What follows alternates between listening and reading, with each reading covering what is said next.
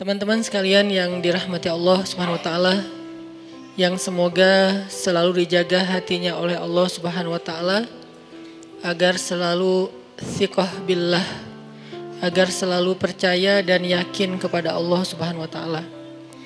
Karena kelemahan kita itu berawal saat kita mulai meragukan Allah.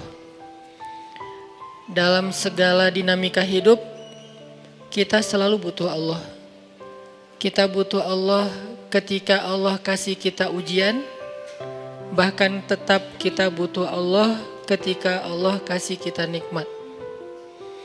Kalau kita butuh Allah saat diuji, agar kesabaran kita terjaga. Karena orang yang tidak ditemani atau dibersamai oleh Allah Subhanahu wa taala Ketika dia sedang diuji, maka dia akan mudah untuk berkeluh kesah, bahkan berputus asa. Kebersamaan Allah kepada dia saat dia diuji itu adalah Allah Subhanahu wa Ta'ala menghibur hatinya. Allah Subhanahu wa Ta'ala menenangkan hatinya. Allah Subhanahu wa Ta'ala menghidupkan hatinya dengan nikmat iman Ala bidzikrillahi tatmainnul qulub. Innamal mu'minun idza dzukirallah wajilat qulubuhum. Bukankah dengan mengingat Allah hati menjadi tenang? Dan orang yang beriman apabila diingatkan dengan nama Allah, disebut nama Allah, maka hatinya akan bergetar. Ini bentuk Allah membersamai hambanya ketika dia dalam keadaan diuji.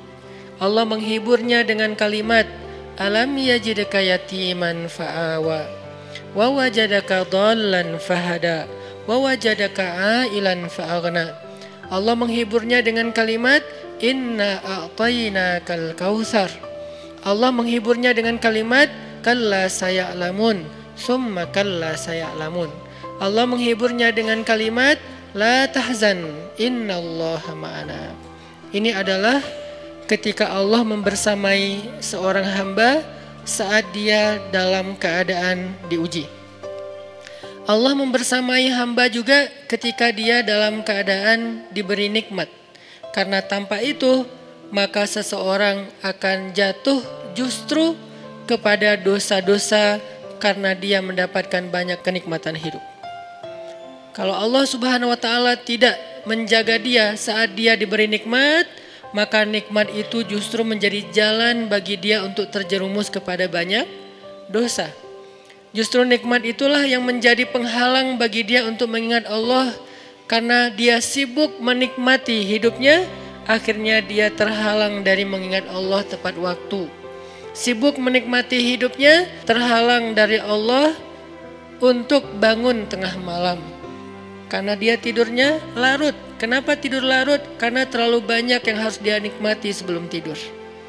Dia bisa makan-makan, dia bisa jalan-jalan, dia bisa ngopi, dia bisa ketemu teman, dia bisa belanja. Bahkan dia nunggu midnight sale untuk bisa menghabiskan nikmat yang Allah kasih kepada dia. Sehingga akhirnya tidurnya terlalu larut, lalu dia tidak bisa bangun untuk menghadap Allah, curhat kepada Allah. Hal yang selama ini dia lakukan Justru ketika dia diuji oleh Allah. Ketika diuji oleh Allah mudah bagi dia bangkit tengah malam, curhat, sujud panjang, menangis dalam doa. Ketika Allah kasih nikmat, curhatnya hilang.